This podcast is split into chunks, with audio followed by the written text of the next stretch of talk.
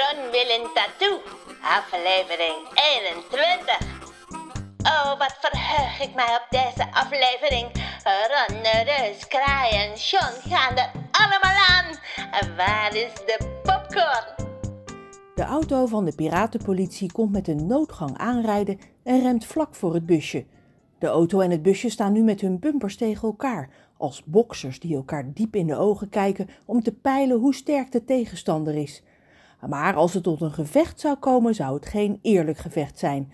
De auto ziet eruit als een tank op manshoge wielen. Hij is bloedrood en op het dak wappert een net zo rode vlag met een witte letter P erop. Ron maakt de deur open, zegt Reus. Niet doen, niet doen, niet doen, niet doen, schreeuwt Kraai. Hier zijn we veiliger dan buiten. Open de deur, Ron, herhaalt Reus. Ron gehoorzaamt. Hij kruipt over de buik en de stompbenen van Reus naar het portier en schuift het open. Reus weet wat hij doet, dus Ron stelt geen vragen. Kraai verstopt zich onder de bestuurdersstoel. Ik ga nergens heen, dit is mij te gevaarlijk, krast hij bang. Reus schuift over de achterbank richting de uitgang. Ron zit nog op zijn stompbenen en schuift mee naar buiten.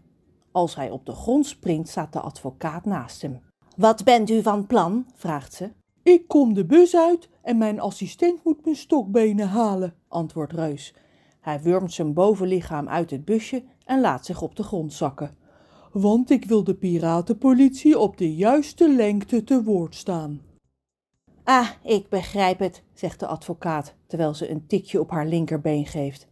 Hij is van houtcitron, met aan het einde een metalen goudkleurige punt.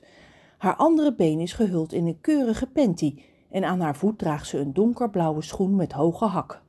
Altijd een gedoe, dat vastschroeven van je prothese. Prothese? vraagt Ron, terwijl hij geboeid naar het houten been van de advocaat blijft kijken. Ze bedoelt mijn stokbeen, zegt Reus. Niet zo verbaasd kijken, zegt de advocaat streng tegen Ron. Ik ben niet voor niets een piratenadvocaat. Die missen soms wat ledematen. Ga mijn benen halen, jongen, zegt Reus. Ron scheurt zijn blik los van het houten been en rent naar de achterkant van het busje. De deuren staan al open en John is bezig om zijn koffer open te maken. Ik dacht, ik stap ook uit, zegt John, want ik denk dat we mijn geheime wapen goed kunnen gebruiken. Als de koffer open voor hen ligt, ziet Ron een gedeukte, zwart geblakerde pan. Hij lijkt op de wokpan van thuis, alleen is hij veel groter en platter. Dit jongen is nou mijn PL-japan. Daarin kan je heerlijke PL'je maken, maar in geval van nood kun je jezelf er ook heel goed mee verdedigen. Het is net een schild, zegt Ron. Goed gezien, jongen. Even kijken, ik moet nog wat spulletjes uit mijn koffer halen. Ron luistert niet meer naar het gemompel van John. Hij pakt de stokbenen en rent terug naar Reus, die ze snel aan zijn stompen schroeft. Als Reus op zijn knieën gaat zitten en zich aan het busje omhoog trekt, gaan de voor- en achterportieren van de piratenpolitieauto open. Uit elke opening valt een touwladder naar beneden en dan klauteren vier mannen omlaag. Ze zien er niet uit als politieagenten, vindt Ron. De mannen hebben een rode zakdoek om hun hoofd geknoopt, dragen zwaarden en pistolen in hun riem. Een van hen heeft een haak op de plek waar een hand had moeten zitten en twee hebben net als de advocaat een lapje voor hun oog. Goedenavond, zegt de grootste van de vier. Hij kijkt er gemeen bij. Een litteken loopt dwars over zijn gezicht, alsof iemand hem ooit als een tomaat heeft willen doorsnijden. Ron voelt zijn mond droog worden en zijn handen beginnen te tintelen. Niet bang zijn, Ronnie, het komt goed, fluistert Reus. Deze heren zijn zoals gezegd van de piratenpolitie, zegt de advocaat. U komt er samen wel uit, vermoed ik. Ze draait zich om en stampt op haar houten been en blauwe hak in de richting van een glanzend witte sportauto die verderop geparkeerd staat. We komen er zeker wel uit, grijnst de leider van de piratenpolitie. Zijn collega's moeten er hard om lachen. Ah! Kraai kruipt onder de voorstoel vandaan en fladdert naar het dak van het busje. Bewijs maar dat jullie van de piratenpolitie zijn. Kunnen jullie je eh, eh, in, eh, in de, in, identificeren? Wat zegt dat beest? vraagt de leider. Of jullie je kunnen identificeren, zegt Ron. Na de woorden van Reus is zijn paniek wat gezakt. De mannen kijken elkaar aan en halen hun schouders op. Of jullie kunnen bewijzen dat jullie politieagenten zijn, roept Ron weer. Dat kunnen we zeker, zegt de grote man terwijl hij zijn vuisten balt. Wacht eens even, Ron snapt ineens waar de witte P op de bloedrode vlag bovenop de auto voor staat. Jullie zijn helemaal geen politie, jullie zijn de mannen van Pedro. Je hebt ons door, miserig ventje. De piraten komen met een paar dreigende stappen dichterbij. Eén grijpt naar zijn pistool, een ander naar zijn zwaard. Allemaal verzamelen! Daar is John. Alleen zijn benen zijn te zien. De rest is verscholen achter zijn paeljapan. Ron doet wat John zegt en gaat naast hem achter de pan staan.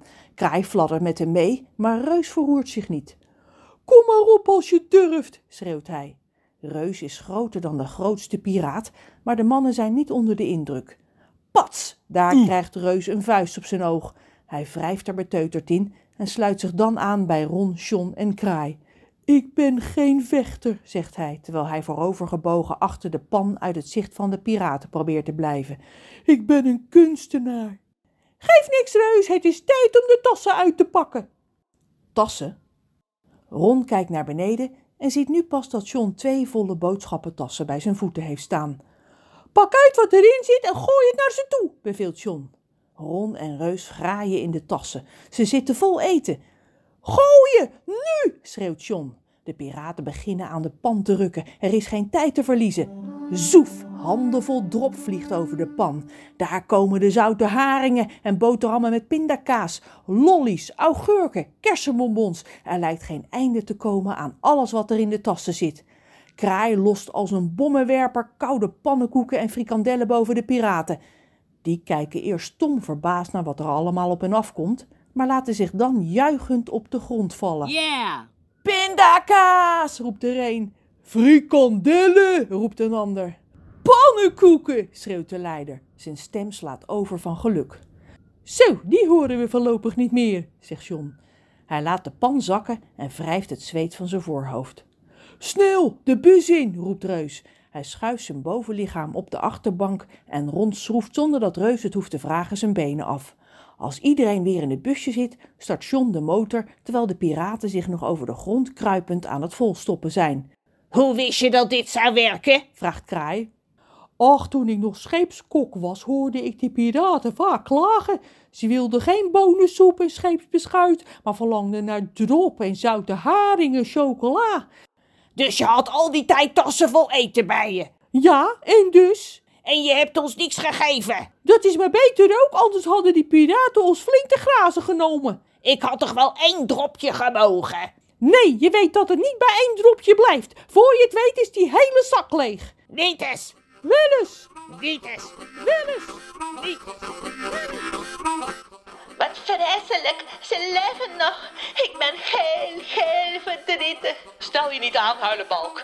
Na de aanval van de piraten moeten onze helden even bijkomen. Ook al is haast geboden met mijn ontvoerde moeder en alles. Maar ja, ik heb er blijkbaar niks over te zeggen. Over twee weken zijn we er weer. Als het dan maar niet te laat is. Tot dan. Ron Willem Tattoo is geschreven en geproduceerd door Margot de Graaf.